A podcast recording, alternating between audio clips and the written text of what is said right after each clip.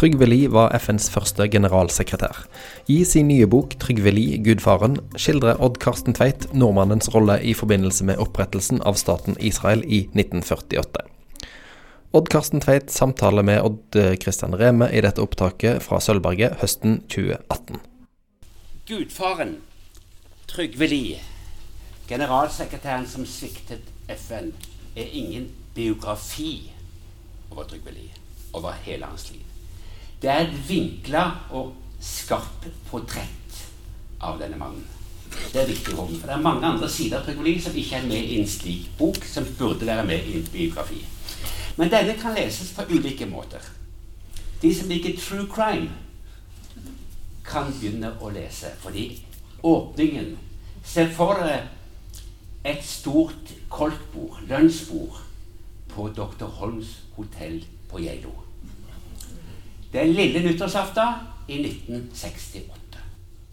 Hovmesteren geleide æresgjesten med sitt følge inn til bordet. Dagen etter, nyttårsaften 68, skal den 72 år gamle Trygve Lie holde tale på banketten. Mens dattera Sissel går og henter desserten, så ser hun at farens hode bøyes bakover. Hun trodde kanskje han hadde sovna, men de oppdaget i nærheten at han er svidd av, og så finner de ut mannen er død. Det spredde seg som ild i tørt gress. Eh, I FN-hovedkvarteret i New York så ble alle lands flagger filt. FN-flagget sto igjen alene, men på halv stang. Da de tre døtrene rydda opp etter faren, så fant Guri, den nest eldste, i lommeboka en gul, sammenbretta lapp. Og der sto det fem utenlandske navn. Og den lappen måtte være fra den tiden faren var generalsekretær. Så hun skjønte ikke at han hadde holdt den lappen så lenge. Da måtte det ligge noe skummelt bak. Og det gjorde det òg. Men det får ikke leserne vite før langt bak i boka. En annen måte å lese boka på er selvfølgelig å følge denne eventyrlige klassereisen. Det var lite som tyder på at gutten som ble født i 1896 på Grünerløkka, skulle ende der han endte. Faren stakk av før gutten var født. Snekkeren reiste til USA og viste seg aldri mer. Det var forbudt å nevne farens navn i hjemmet hos Trygve Lie og mora og søstera. Mora livnærte familien ved å lage en liten kafé på Grorud. En kafé og et pensjonat for arbeidsfolk. Fra Grorud der var det gruver, det var industri, og det ble lagt et dobbeltspor til Lillestrøm. Så der kom det rallere og arbeidere, og noen bodde på pensjonatet. Men alle var ikke like gode å lese. Trygve Lie var en skarp gutt. Han lærte fort å lese, og begynte å lese avisene for disse som var her. Og ble da interessert i politikk. Men egentlig var det læreren hans som tok han videre. For læreren var medlem av Arbeiderpartiet og så potensialet. Så han sørga for at Trygve Lie fikk gå på gymnaset, og så begynte han å studere juss. Han sprinta gjennom jusstudiene sine. Mange hadde ikke sett ham på lesesalen. Han kom seg gjennom. Parallelt var han en idrettsgutt, fikk et stor omgangskrets og jobba seg oppover i Arbeiderpartiet. Trygve Lie tilhørte venstresida. Han ble kommunist innenfor Arbeiderpartiet. Eh, men etter hvert snudde han litt og ble justisminister i den første Arbeiderpartiregjeringen i 1935. Nygaardsvold hadde gjort et forlik med Bondepartiet. De danna regjeringen. Og Trygve Lie viste seg å være en handlekraftig justisminister. Han begynte med å forandre lover. Han hadde vært LOs advokat i sin tid. Eh, og der hadde han utmerka seg ved å forhandle med NAF. Trygve Lie var en av liksom, hjernene bak det forliket mellom NAF og LO som en fremdeles ser i dag. Så han var kjent for å være en fikser, en forhandler og fleksibel til det ytterste. Og kanskje det var noe derfor at han ble med i regjeringen til Nygaardsvold. Eh, I mellomkrigstida, på 30-tallet, så var det mye ting som skjedde. Plutselig så fikk de et problem fordi Lev Trotskij han ble forvist fra Sovjetunionen, kom til Tyrkia, til Frankrike og hadde kontakter i norske arbeiderbevegelsen. Og han fikk opphold. Trygve Lie var med og ga han opphold i Norge i 35. Men så begynte det problemet. Sovjeterne ville ikke ha ham der. Så de begynte å stramme til på økonomien. Og da snudde Trygve og regjeringen, og han ble utvist til Mexico. Og der ble Trolske senere drept av en KGB-agent. Så kom krigen. Ja, før det, før krigen, når Hitler kom til makta, så var det jo mange jøder som fant ut at de måtte flykte fra Tyskland. Men Justisdepartementet og justisministeren var ikke særlig interessert i å ha jøder til Norge. Veldig restriktive. Så det, I historien i boka er det mange interessante ting om hvordan de unngår å få ta imot jøder. Men de var ikke alene. I USA var de like restriktive. Der var det et skip med 800 jødiske flyktninger som ble sendt tilbake igjen til Tyskland. Og det viser i etterkant at et flertall av disse ble drept under holocaust. Men Trygve Lie altså, han var med da på det spillet som var i Vesten. De ville ikke ha jøder. De var, de var antisemitter, rett og slett. Og det ser en av Trygve Lies et brev som han skriver og omtaler Hambro, Seod Hambro, som da var stortingspresident, som var sønnesønn av en jøde som konverterte, som måtte konvertere for å få lov å komme til Norge, at han kaller den en. Men dette var ment for brev, og utad så var det snakk om antisemittisme. Så kom krigen. Trygve Lie dro med regjeringen til London, og han klatra opp og ble utenriksminister. En kraftfull mann i regjeringen. Og så kom da valget til generalsekretær. Det skjedde delvis fordi at russerne tenkte det er vår mann. Han utviste Trotskij. Det er vår mann. Amerikanerne tenkte De visste om at han var fleksibel. Han er til, de skulle være medlem av Nato snart. Norge. Det er vår mann. Så derfor ble han valgt. Britene var ikke interessert, og det var mye stygt snakket om Trygve Lie fra britisk side, men de godtok dette.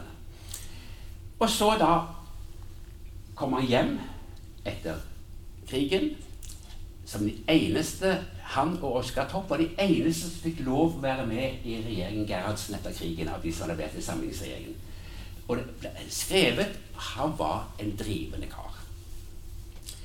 Eh, da han ble valgt som generalsekretær i FN, så tok han en ed om å være upartisk ikke la seg styre av noe land eller noen organisasjon.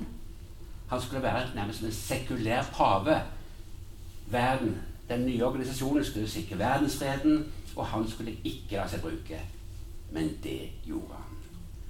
For i 1947, da britene var lei av å, å styre Palestina med problemer med sionistene, problemer med nasjonalistene og, øh, og sånne ting, og kasta problemer over til FN, så ble Trygve Lie i all hemmelighet sionistenes talerør innad. Og var med og la opp til den prosessen som førte til splittelse av Palestina i 1947. Han brøt sin ed. Men kanskje enda verre han brøt sin ed da han noen år senere slapp inn FBI inn i FN. For da var det kommunistjakt i USA. Og da gikk han inn i en hemmelig samarbeid med amerikanske State Department og lot de komme inn igjen. Et brudd. Han sviktet FN, og det ble han dømt for. FNs eget tribunale dømte han for det, og de som var sparka, en del av de som ble sparka, måtte bli tatt inn igjen og fikk store erstatninger. Men Trygve Lie ga seg aldri. Han mente det måtte utredes til. Nå skal ikke jeg snakke mer. Nå er det Kian som skal begynne å bore videre. Men dette var bare en, en, en, et poeng. altså Det er mange måter å se denne boka Og så er det ikke bare, det er ikke bare alvorlige og, litt sånne stygge ting. Det er også mye humor her. Og litt grove historier. Så det er en grov historie som ikke skal ta her, altså, for da rødmer vi bare. Og det er en historie mellom Trygve Lie og Sonja Hennie på en nattklubb i, ja, Men den står i boka. Ja, men det,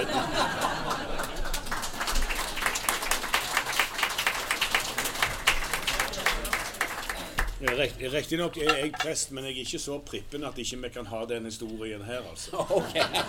Det, det, det skal gå, altså. Eh, Men i hvert fall, Odd Karsten, jeg, jeg har eh, Jeg spurte deg her eh, tidligere, vel i dag, om, om du har oversikt over hvor mange sider du har skrevet. Nei, jeg sa nei, men, men jeg har jo jeg har jo skrevet jeg tror det er en bortimot elleve bøker. Ja. To bøker om olje. To forferdelig dårlige bøker om olje. Jeg begynte jo som oljejournalist. Og så de andre om Midtøsten. Eh, noen har vært på ca. 400-600 sider, og ei på 1100 sider. Denne er ikke, denne er ikke så, så farlig. Nei, den er på 370 sider, pluss 80 sider med litteraturhenvisninger, noter osv. Ja, for det har For meg, når jeg skriver dette, så har jeg to drepende og dødelige ord som jeg ikke bruker. Jeg tror. For meg er de forbudte. Jeg må dokumentere alt jeg gjør. Folk kan tro hva de vil. Jeg kan ikke tro. Jeg må dokumentere. For meg er det jo omvendt. Dette er stillingsbeskrivelsen. Ja, ja. Eh, eh, Karsten, jeg, jeg må spørre altså, Hva var det egentlig som gjorde at du kom på ideen om en egen bok om Trygve Lie? Dette er jo ikke en biografi, det, Nei. det starta du med, og det står veldig tydelig i boka. Det er et slags vinkla Ja. portrett. Ja. Men, men hvorfor? Hva var det med Trygve Lie som fascinerte deg såpass at du måtte skrive hele boka? Ja, nei, det, er- det er interessant, for i 1996 så skrev jeg en bok som heter 'Alt for Israel'. En svær bok om Norge i Israel. Altså den Norge deres gjorde alt for Israel, som ble spurt. Brukte kongens motto. Og der kom jeg inn på Trygve Lie litt. grann. Og hans militære rådgiver, som ble Israels første spion innenfor FN dokumentert i det, fra det israelske eh, riksarkivet. Da jeg var ferdig med boka eh, i 1996, så kom eh, Cappelen og spurte kan du ikke skrive en biografi over Trygve Lie. Nei, sa jeg. Jeg skal jobbe i Midtøsten. Så etter det 22 år så har jeg bare jobbet i Midtøsten og skrevet rette bø flere bøker. Men jeg sa til Cappelen det bør være en historiker som skriver en biografi. Og jeg ga dem navn på en historiker, og lånte historikeren de bøkene jeg hadde i 1996. Eh, men det ble noen bok på. Det var 22 år. Og så for to år siden så tenkte jeg nei, nå må jeg iallfall skrive et vinkla portrett. Så gikk jeg til historikeren og sa at kan ikke du komme ut året før meg, i fjor? For du har holdt på så lenge. Men det ble ikke noe av. Så jeg håper den kommer neste år. For det må være en biografi om Trygve Han fortjener en biografi. Ja. Eh, du, det, altså det, vinklingen er, som jeg, Når jeg leser boka, så slår det meg at du følger sånn Du følger to spor og kobler sammen to spor. Det er en fortelling, portrett, om Trygve Lie. Eh, men samtidig så er det altså en ganske intens dokumentasjon av hva som skjedde i Palestina, og hva som skjedde i FN knytta til Palestina. Altså det, det er liksom de to eh, som, som her smelter sammen. og eh, Vinklingen er ikke um, overraskende sånn sett. Med den, med den bakgrunnen og, og kunnskapen du har om Midtøsten, så er det jo veldig forståelig at du valgte den. Eh, du har tilgang til ganske sterke arkiver her. altså. Hvordan fikk du tilgang til disse her sionistarkivene i Jerusalem? Nei, altså Israel er på mange måter et åpent samfunn. Eh, da jeg i 1996 var i eh, Riksarkivet og fikk tilgang til disse eh, opplysningene om eh, Trygve Lies militære rådgiver som ble spion, og, og, og en del bøker som har kommet ut om dokumentasjon i det israelske UD. Eh, nå har jeg fått høre at en del forskere som går inn i de samme arkivene fra 48, kommer ikke lenger. Så den nye regjeringen i Israel har lukka en del ting, sier israelske forskere. Dette har ikke jeg oppdaga, for jeg hadde fått mitt Men jeg gikk til Central Scientist Archive. Det er et annet arkiv. Og det har vært åpent. Men det var åpenbart få som var interessert i Trygve Lie der. Men det interessante var at det, når eh, sionistene, jødisk nasjonalråd, Jewish Agency, skulle påvirke FN-systemet i arbeidet for å få delt Palestina, så sendte de flere av sine skarpskodde diplomater over. Og en av de var Abba Eban. Han ble senere utenriksminister. Og en, en annen som reiste over, var Moshe Sharet. Han ble også utenriksminister. De måtte jo skrive rapporter hjem til sine sjefer i Jerusalem. Og de skrev den gang på engelsk. De arkivene er fremdeles åpne. Og det er åpent få som har vært interessert i dette.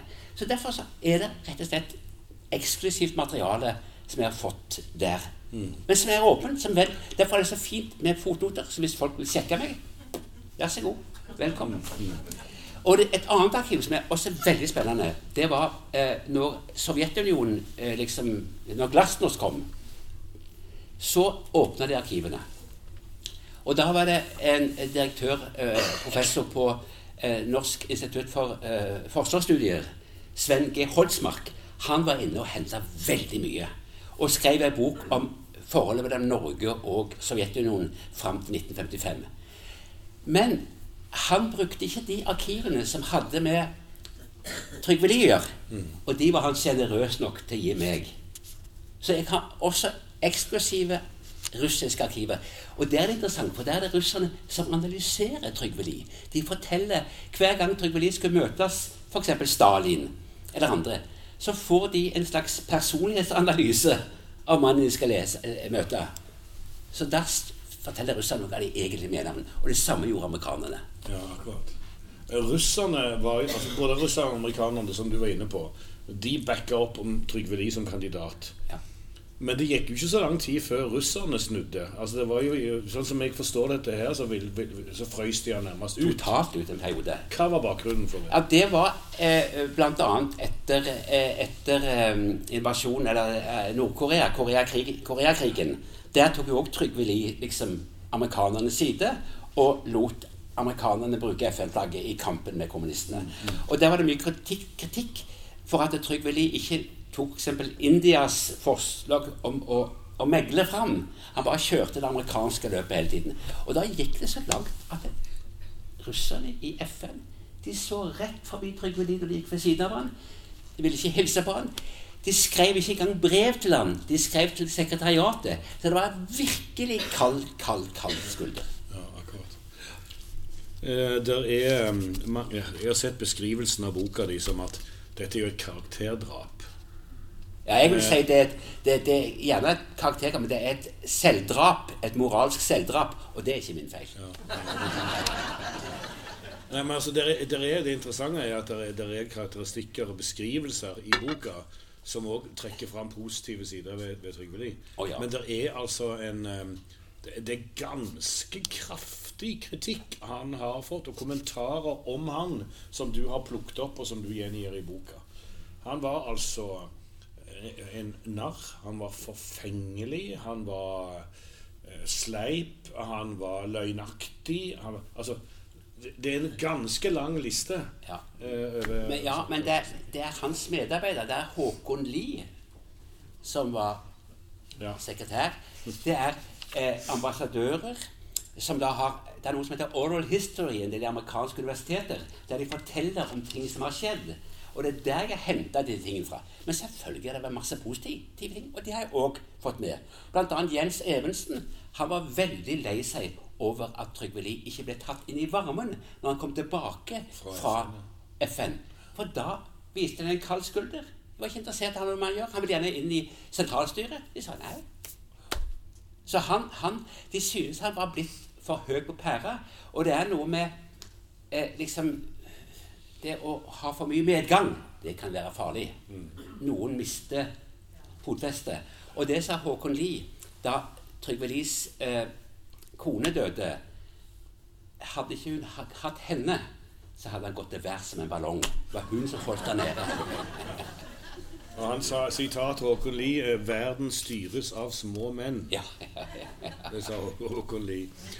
Og Samtidig er det en karakteristikk som jeg synes, eller et, et poeng her. det er at Trygve Lie gjorde et forsøk som generalsekretær på å eh, på å endre FN-systemet vekk fra dette vetostyrte systemet som i dag fortsatt er et kjempestort problem. Altså FN blir jo stadig blokkert pga. vetosystemet.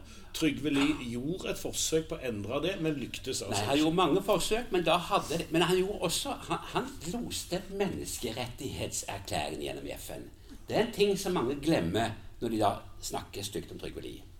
Han skapte stillingen De hadde tenkt at generalsekretæren skulle være liksom et, et redskap som de kunne bruke. Men han omskapte mange av stillingen, slik at de som kom etter ham, de kunne nyte godt av dette. Men han klarte ikke å nyte godt av det sjøl fordi han ble boikottet av russerne. Og han, han, var ikke populær. Han var også upopulær i sitt eget sekretariat fordi han var en vanskelig mann å ha gjøre. Men han gjorde, han var med og bygde. Og en annen ting til. Det er mannen Trygve Lie som står bak FNs hovedkvarter i New York. Han kjempa det gjennom, og hadde ikke han gjort det, så hadde det kanskje vært et annet sted. Om det hadde vært bedre, det vet vi ikke. Det er en veldig sentralt plassert bygg. Det kan Ja. man få slå fast. Eh, I 1941 så sa han, og du var jo inne på dette Han avslørte sin antisemittisme i et brev der Hambro beskrives som en eiendommelig blanding av intelligens, jødisk sluhet og ondskap. Slutt. Eh, dette eh, er jo åpenbart en antisemittisk beskrivelse av Hambo. Eh, men altså, la meg spørre Når han da, ganske få år etterpå, ender opp som sionistenes viktigste mann i FN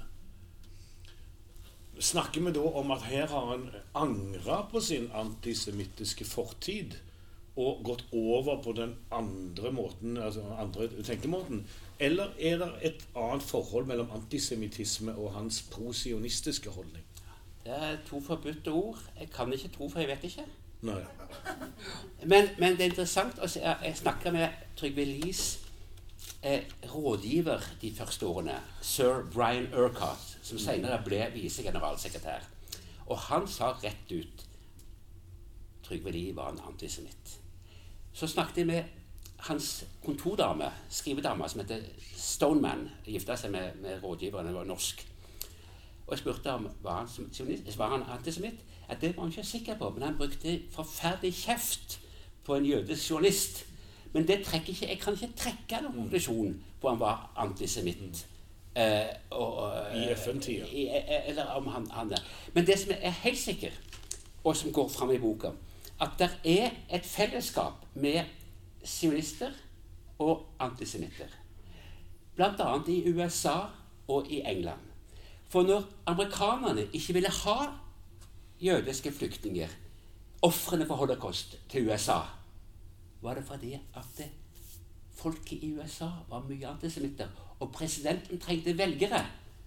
Men å sende det til Palestina får de vekk. Det samme i England. De ville ikke ha det inn. Send de vekk. Det store flertallet av jødiske flyktninger etter krigen ville til USA. Absolutt. De ville til USA eller England, men de fikk ikke komme dit. Mm. Denne, denne rollen altså Det er jo utrolig sterke beskrivelser her av hva slags forhold han hadde til sionistene, særlig i altså Jewish Agency i New York og Abba Eban. Eh, Dette, her snakker vi om hemmelige møter.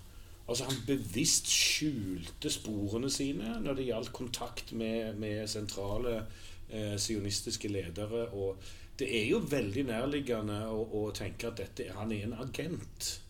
Han er en agent for det som ble Israel. Det var så hemmelig at eh, kontordama hans, eller Brian Urquhart, de visste ikke om det. Han tok det hjem til seg sjøl Ja. i all, all hemmelighet. Men senere ble han åpen når, når, etter at Palestina var delt i to, og det var vedtatt at det skulle bli en jødisk stat. Da fronta han da fronta han den jødiske staten. Og i, da Israel ble stat, så fronta han og forsvarte israelernes aggressive politikk. Det som var så interessant, var at hans, det ble utnevnt en megler som skulle forsøke å skape fred mellom, eller fredsavtaler mellom Israel, den nye staten, og nabostatene. Eh, grev Folke Bernadotte eh, ble fredsmegler. Og det var interessant at det, eh, når eh, Abba Eban og de ville vite om, om liksom, folk Bernadotte var det en mann som de kunne stole på. Ja, han hadde redda jøder i først annen verdenskrig. Men Trygve Lie sa det han tenker mest på, er å få Nobels fredspris. Han er en god mann. Men da Bernadotte kom til England, nei, kom til Palestina og, og til Israel og så nærmest 800 000 palestinere ble kasta ut eller flykta, så forsøkte han å få disse tilbake igjen. Det ville ikke Israel ta imot. Så han da Trygve tok israelernes posisjon også overfor sin egen megler og gikk bak ryggen hans. Det er også dokumentert. Og det er altså sånn, FN vedtok jo at flyktningene skulle vende tilbake. Ja. Og FNs generalsekretær vil jo i en sånn sammenheng normalt være pålagt å arbeide iherdig for å få gjennomført sånne vedtak i FN. Men her ser vi altså det motsatte, ja. at han undergraver sin egen fredsforhandler. Ja. Og det gjorde han da Bernadotte ble drept av israelerne. Så ble han fulgt av Ralph Bunch, som fikk nobelprisen, og som klarte å lage eh, våpenhvileavtaler med andre. Han motarbeidet også han. Så, så, det er ikke en hyggelig historie. Derfor har jeg lett veldig mye for å få eh, et bilde. og Derfor poengterer jeg at det, må komme en biografi som forteller mye av hans andre positive sider uh, uten, utenfor FN. Og han gjorde også en del positive ting i FN, uten tvil. Mm. Jeg vil sitere litt det, fra kapittel 21, 'Det første sviket'. Der skriver, der skriver du og Dette gjelder altså denne Palestina-komité. Det var et, fors, et, for, et sånn arbeid for å etablere en egen Palestina-komité. Dette var i 47. Eh, og det står at eh, før komiteen var utnevnt, inviterte Lie i hemmelighet tre menn fra Jødisk nasjonalråd hjem til seg i Forest Hills sammen med sin nærmeste medarbeider i sekretariatet. Den amerikanske sionisten Abraham Feller orienterte Lie gjestene om, sine gjester om planene. Og så står det videre han ba dem også holde munn om at FNs generalsekretær i hemmelighet hadde tatt imot talsmenn for Jødisk nasjonalråd. Fra nå av støttet Li Jødisk nasjonalråd i det skjulte, uten å sette betingelser, selv om det brøt med etiske retningslinjer og eden han hadde sverget. Altså, Kan du si litt mer om hva slags ed er det her vi snakker om? altså? Han, han eh, var, var, det klare bestemmelser for generalsekretæren om hva han kunne og ikke kunne gjøre? i sånne Helt klare. Han skulle ikke la seg forlede eller påvirke av nasjonale interesser eller organisasjoner utenfor FN. Han skulle være uhilda. Det var helt klart. Det var en ed en gang. Og Har han tolka det som at han ikke skulle la seg påvirke av norske interesser og den norske regjering? Det er de to forbudte ordene. Det er de to forbudte ordene. Ja, ja, ja. Men det som er sikkert, at han påvirka den norske regjeringa. F.eks. når det var eh, en debatt Skal Israel bli anerkjent av FN? Skal FN bli medlem av Israel bli medlem av FN? Da eh, påvirka en delegasjonen til å stemme for ja. For i UD der satt det folk som hadde vært i Folkeforbundet, som hadde vært i FN, og som hadde kjente flyktningeproblemer på nært hold. Eh, en som heter Peter Anker, de gikk imot dette. De, de, vi kan jo ikke la de bli medlem av FN før de har latt palestinerne som de har fordrevet, komme tilbake igjen. De må jo oppfylle FNs krav. Eh, eh, ifølge delingsplanen så skulle også en jødisk stat være ved siden av en, en arabisk stat, men Jerusalem skulle være internasjonalt under FN-styret. Mens israelerne tok da den ene delen. Og de argumenterte med Og Jordan tok den andre delen, så det var, det var en, en, hemmelig avtale der òg. Altså. Så det, altså, araberstatene er ikke rene her. Ikke i det hele tatt. Mm. Men det er ikke det som er mitt problem her. Altså. Det er problemet med at han brøyt eden. Og dette vil jeg gjerne dokumentere slik at det er gjort. Men jeg var litt bekymra, fordi en av mine gode kilder her er dattersønnen til Trygve Lie. Han hadde tre døtre. To av de gifta seg i USA, en i Norge. Halvard Bratz, eh, også senere industriminister eh, i en høyreregjering, gifta seg med Sissel. Og de har en sønn som jeg har brukt som god kilde her. Og fortalt litt om de positive sidene av bestefaren og de negative sidene av bestefaren. Så han ringte meg og sa ja, du er vel sint nå, sa jeg. Å nei, jeg, jeg, jeg syns du skriver veldig godt Og du skriver sant, og for meg er det viktig at han ikke blir glemt. Du har i hvert fall bidratt til at det ikke blir glemt. Det er helt sikkert. Eh, Det er det- andre store sviket.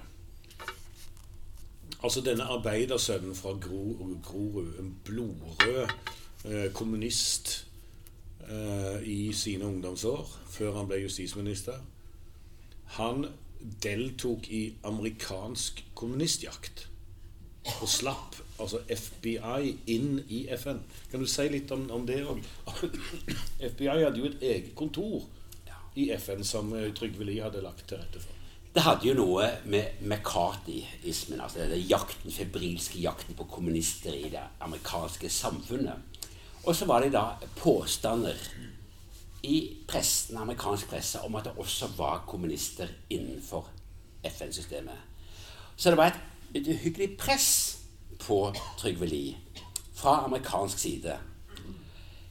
Eh, når han da gikk med på at eh, State Department skulle få sjekke en del av disse medarbeiderne i sekretariatet, så hadde de jo nok med, med at presset var så stort, og at denne avtalen ikke var skriftlig. Den skulle være muntlig.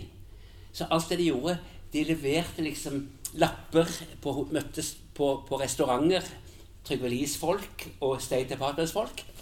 Så det var først seinere, lenge etterpå, at den ble kjent. For det var ingenting skriftlig. Det er noe av bakgrunnen. De trodde dette aldri skulle bli kjent. Men det er godt dokumentert. Og det er, dette henger jo sammen med disse lappene. Ja, og ja, de må ikke røpe for mye. De må få lese de må få... Nei, men det, det var en liten teaser. Det var en liten teaser. Nei Nei, altså, eh, de fem, de fem navnene, det var eh, eh, navn på eh, eh, folk som har fått sparken, og som fikk erstatning etterpå. Urettmessig behandling. Så det er nok det at han, han, han ble dømt Generalsekretæren ble dømt i tribunalet, FN-tribunalet. Da var han gått av. Og han hadde da eh, overlatt roret til, til Dag Hammarskjöld. Og jeg skriver en del om Dag Hammarskjöld også. For selve overgangen der er ikke noe særlig fin heller. Men jeg er litt redd for at jeg bare sitter her og, og rakker ned. For det, det, det, det er balanse i boka òg. Eh, der, er, der er det. Eh, lurer på om hvor skal vi gå videre her. Det er eh, særlig eh, opptatt av den beskrivelsen du gir av opprettelsen av staten Israel. Forspillet, det som skjedde i FN, men òg det som skjedde i bakke, på bakken i Palestina. Det ble jo sagt, og har vært sagt i i mange Midtøsten-debatter opp gjennom årene i Norge, at Israel godtok delingsplanen, mens araberne ikke godtok delingsplanen. Eh, nå spør ikke jeg om hva du tror, men jeg spør om den dokumentasjonen du har. Du, Ja. For du dokumenterer jo at israelerne godtok delingsplanen med en god del eh, si, planer om hvordan dette skulle likevel ikke ende opp med en deling. Det er dokumentert at eh, Ben Gurion, Israels første statsminister, han sa vi godtar dette, skrev det i sine dagbøker, og så får vi ta resten seinere. De gikk også på offensiven før de etablerte sin egen stat. Så gikk de på offensiven og tok f.eks. Jaffa, som skulle være en frihavn under FN. Så det argumentet som ofte blir brukt, at med en gang staten Israel ble danna, så gikk araberstaten til angrep på dem. Og det er riktig. Araberstatene gikk til angrep for å beholde, ta de landområdene Som som, skulle være til arabisk stat. Men det var altså etter at sionistene, før Israel ble stat, hadde gått på offensiven og tatt land som de ikke skulle ha, ifølge planen. Men egypterne de bomba Tel Aviv, så, så, så er og, og, det var veldig sterk vilje på arabisk side om å feie de vekk og ta over. Eh, men men de, de gjorde altså De gikk ikke videre inn i israelsk område. De gikk Men det var også pga. at den israelske hæren var sterk, hadde god støtte, mens araberstatene ikke samarbeida, og de snakka. De snakka Det var ei som sa at den beste tunga beste våpen vi hadde, det var tunga. De gjorde ingenting annet. Men litt av krydderet her. Altså denne historien med Sonja Hennie. Ja, vi må nesten få den, altså. Nattklubb i New York. Eh, Først, altså, Trygve Lie var en glad gutt. Han likte å spise godt og drikke godt. Så det fortelles den dagen eh, Jeg går en omvei. altså Ofte i Midtøsten når man spør hvor er nesen din, så gjør vi sånn først. Så må man innom, innom og fortelle litt mer først. Eh, da, da, eh, da, de skulle legge ned eh, Folkeforbundet eh, i Genéve, så var Trygve Lie også der for en annen sak, på FN. Eh, og da var det en dag han hadde lyst å se natt, natt, nattlivet i, i, i, i Genéve. Eh, men han ville ikke liksom vise at han var en sånn gutt på byen. Så han bestilte det i et falskt navn. Sir Rodney. Så ble selvfølgelig sveitsisk politi De hadde oversikten, så de skygga mange folk. Og så dagen etterpå så kom de til eh, eh, generalsekretærens eh, personlige rådgiver, sir Brian Urquhart, og sa er det noe problem? Er dere redd for noe? Nei, hvorfor det? Jo, for eh, Trygve Lie han, han eh, bestilte bord på nattklubben under sir Rodneys navnet. Og etter det så kalte alle hans medarbeidere bare ham for sir Rodney. Men mange år seinere så eh, ja, Ikke så mange år senere, men så gikk han på nattklubb i New York. For der var det en veldig eksklusiv nattklubb som heter El Marocco. Der gikk bare kremen av sosieteten. Og blant sosieteten var isdronningen Sonja Hennie. Og hun hadde fått seg en venn, en norsk venn. Hun, var gift, men hadde fått seg en norsk venn. Eh, En kar fra Ålesund som var blitt rik på tørrfisk. Og en kveld hun og men, vennen satt på nattklubben og snakket tett sammen. Så var det masse bråk på et bord lenger borte av mannfolk. De la ikke merke til det. Men plutselig så så de Trygve de komme stabbende bort fra bordet og stilte seg foran Sonja Hennie og sa 'Deg skal jeg pule'. Og hun ble forskrekka. Og Trygve Lie visste ikke at han som satt der, var norsk. Så skjønte han sånn. Så hun reiste, og så smelte hun til Trygve Lie på det ene kinnet og det andre kinnet. Og han bare rista på hodet og, og, og, unnskyld, unnskyld, og gikk tilbake igjen. Dagen etterpå fikk Sonja Hennie på sitt hotellrom 100 roser og et kort med unnskyldning. Hun snudde kortet og sendte tilbake, på kortet sto det 'kyss deg i ræva'.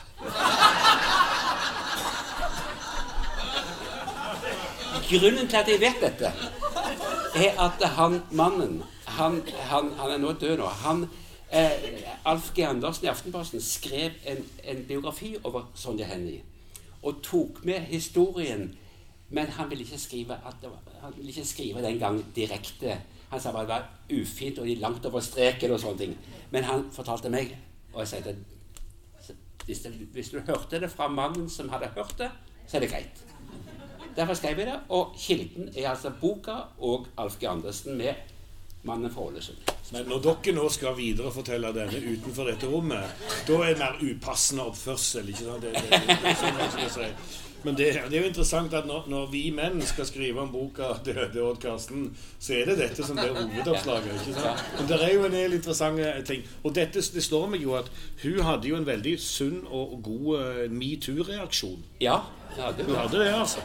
Men det hører jo med til historien at de ble venner. For da Sonja Hennie og hennes nye ektemann Nils G. Onsdag starta eh, museet, kunstmuseet på Høvikodden mange mange år senere, det var vel 1961, det tenker jeg det var, da ble Trygve Lie leder av liksom, styret. Og, og, og det bildet her er fra en, en feiring av Sonja Hennies, av Trygve Lies bursdag en plass. Jeg vet ikke om det er begge deler. Eh, og da er de, gode, er, er, er vi blitt gode venner. Nei, altså, da er de sammen og skåler for hverandre. Så de ble gode venner til slutt, altså. Det er en annen liten krydderhistorie. Kanskje alle her vet dette, men jeg, for meg jeg var, det helt nytt. Trygve Lie var jo en, var nær og, til kongefamilien, særlig under krigsårene og, og sånn. Til, til kronprins Olav den gangen. Seinere, når Harald vokste til, så, eh, og begynte å orientere seg litt på det markedet han var på, så var det ikke så veldig mange prinsesser og blått blod-jenter som interesserte han. Det var jo denne Sonja Haraldsen. Og da tar altså kong Olav kontakt med Trygve Lie. Kan du si litt om det? Ja, de var veldig nære venner fra krigsåra. Og da spør eh, kong Olav Trygve Lie kan du ikke snakke med Harald. Nå snakker jeg fritt, altså. Eh, Harald han bør finne seg noe annet. Nei, sier Trygve Lid, det vil ikke ha noe med å gjøre. Så der var han helt klart.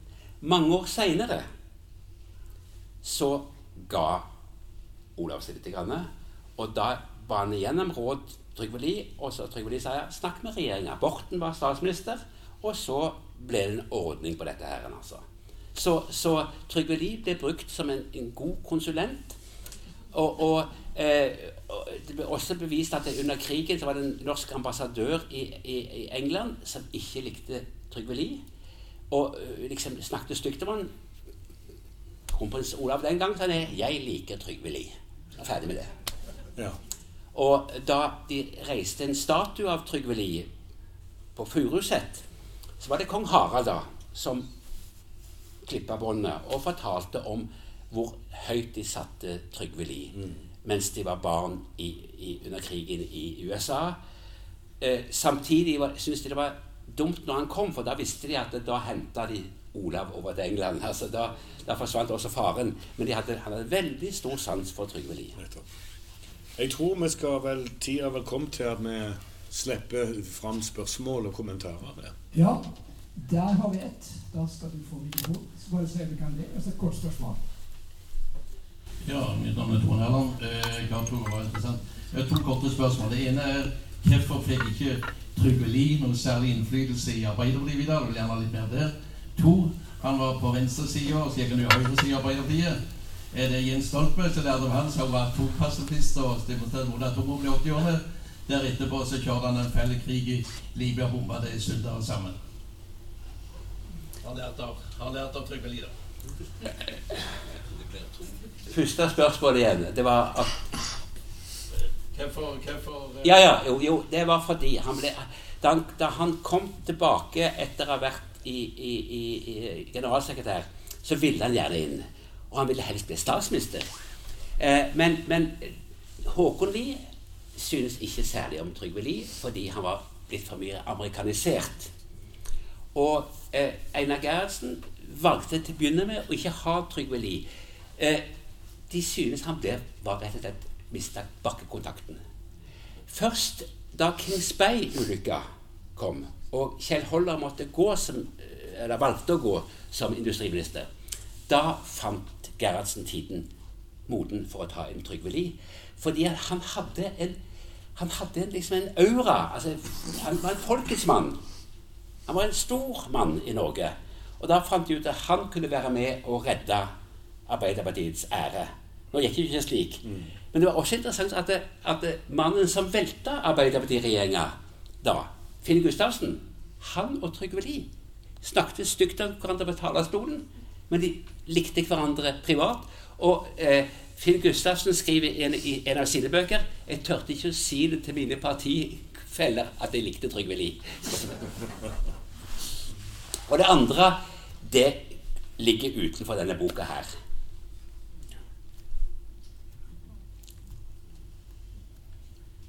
Ja, vi har tid til flere. Kom igjen.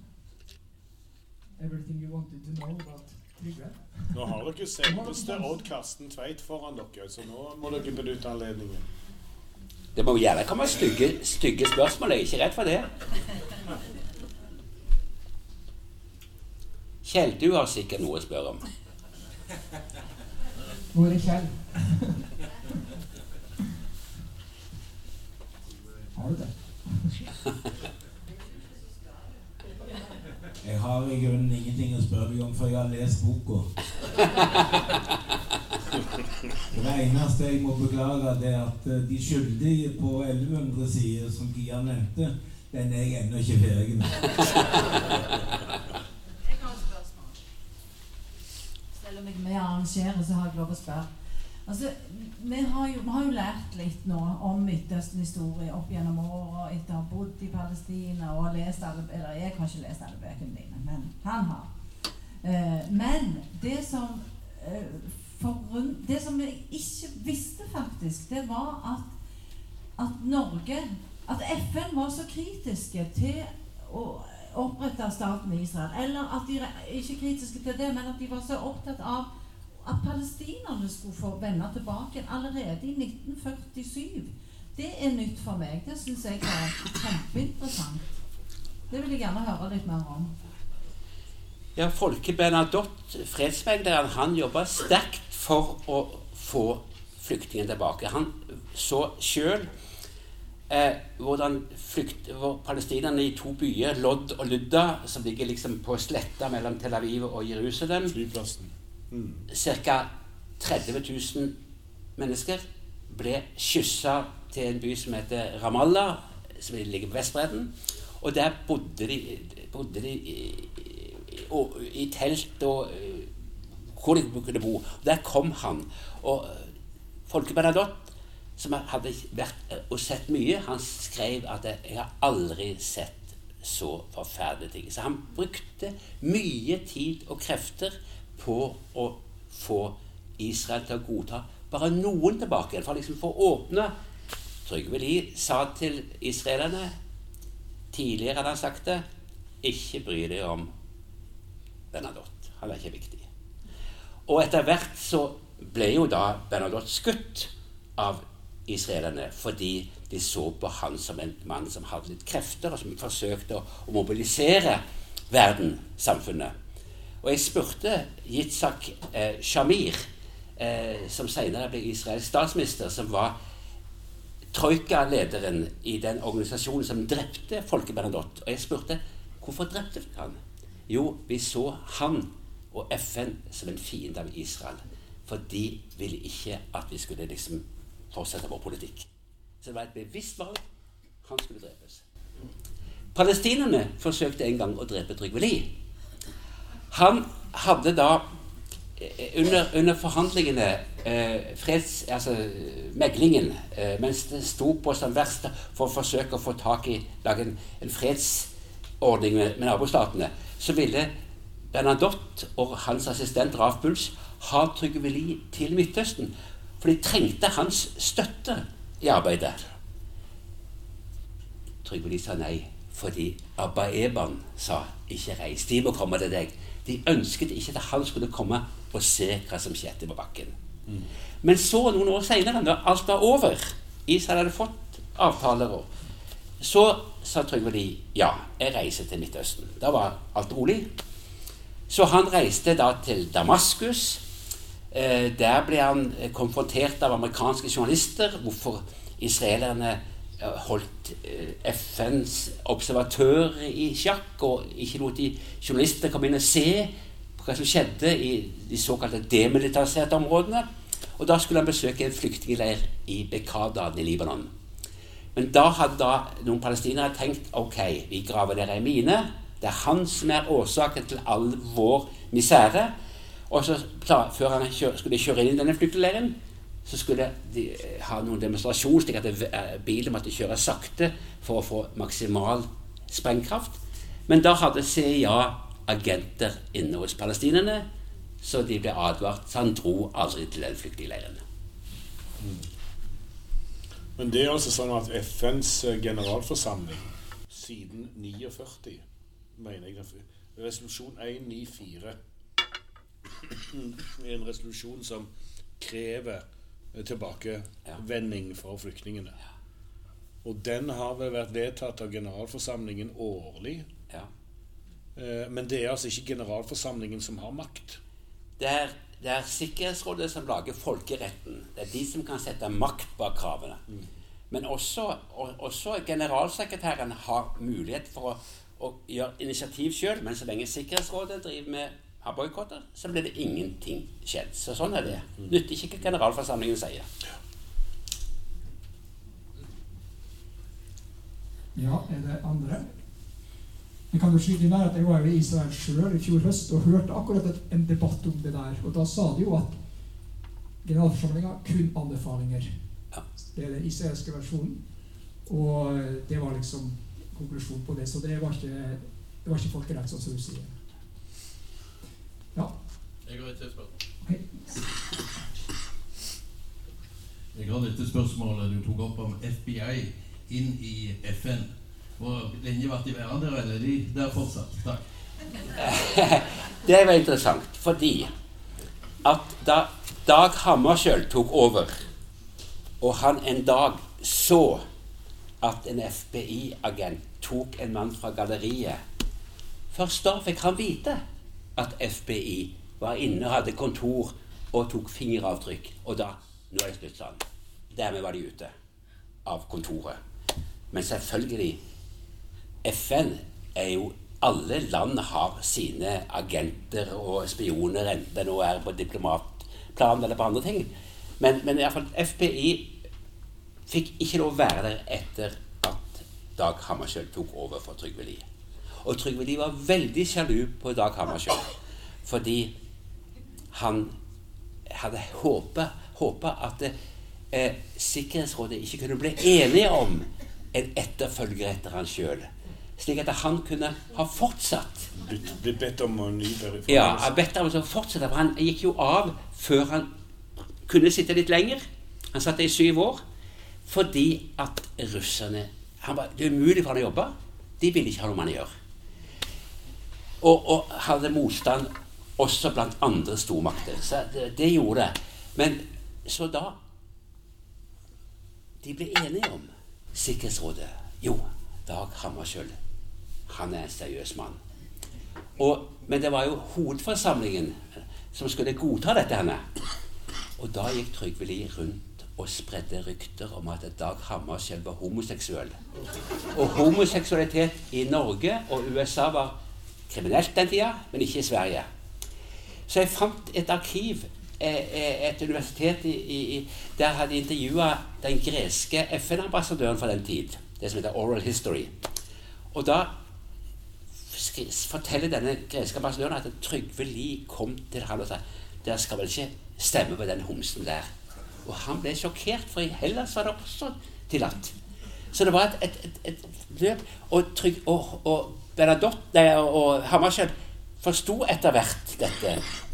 Så Til å begynne med så var han veldig kald, men så så han stort på det, og han besøkte Trygve Lie hjemme. Så Dag Hammarskjöld, som dessverre ble drept mens han var eh, generalsekretær, han viste storsinn. Han, han gikk med i den flystyrten i, i Kongo, som de påstår var et attentat. Men det er ikke bevist. Vi har tid til ett til, i hvert fall hvis det ikke går langt.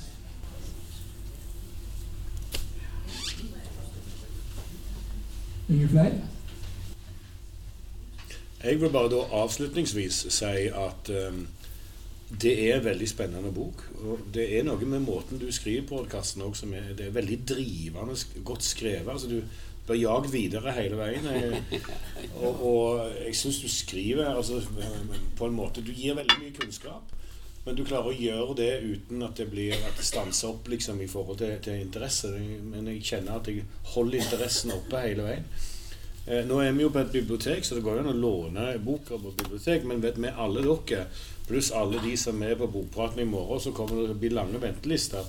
Så noen bør tenke på å skaffe seg denne boka. Den er verdt å ha i bokhylla. Så eh, litt reklame for boka må jeg få lov å gi. Den er kjempespennende. Takk for innsatsen. Når har du tenkt å pensjonere deg? Så lenge det er liv, er det ikke fred å få.